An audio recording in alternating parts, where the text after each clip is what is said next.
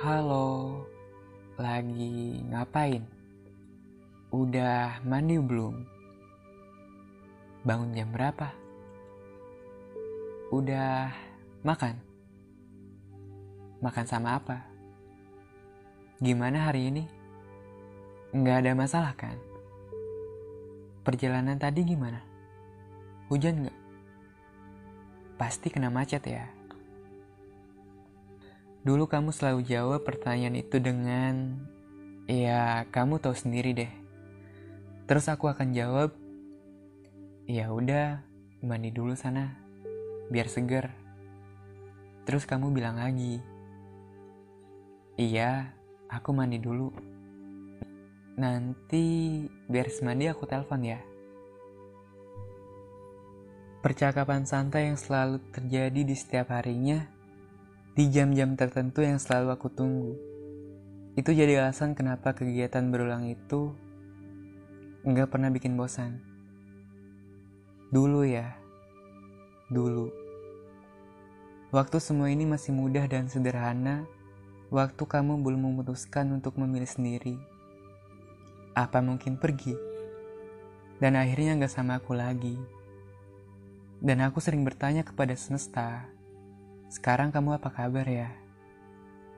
Pertanyaan yang biar saja seterusnya jadi pertanyaan.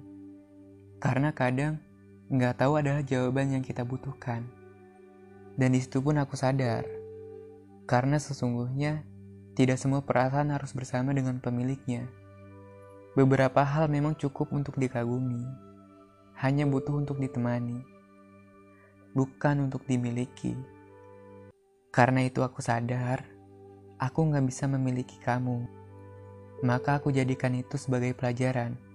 Pelajaran yang menyakitkan sekaligus membahagiakan buatku. Menyakitkan karena aku nggak bisa memiliki kamu. Membahagiakan, ya karena tokoh utamanya itu kamu. Dan sekarang kepalaku penuh tanda tanya. Bagaimana bisa yang tadinya sedekat nadi, sekarang asing kembali? Mungkin kamu lebih mengerti daripada aku. Karena di antara kita, kamu yang suka pakai logika, yang sekarang cuma jadi kenangan. Kenangan adalah lorong tanpa ujung yang gak ada seorang pun yang mengetahui bentuk yang sebenar-benarnya. Kamu pergi terlalu lama, gak mudah buat aku. Harusnya kamu tahu itu. Tapi kamu memilih untuk pergi. Waktu itu kamu berhasil buat aku bingung. Aku bingung kamu beneran pergi atau cuma bercanda. Karena memang gak ada yang salah. Kamu hilang gitu aja. Kayak di dalam cerita ini. Tokoh pentingnya. Padahal kalau gak ada kamu cerita ini gak bisa jalan. Karena di tengah perjalanan kamu memilih menghancurkan pondasi pondasi awal yang seharusnya bisa jadi bangunan megah. Entah apa, entah kenapa.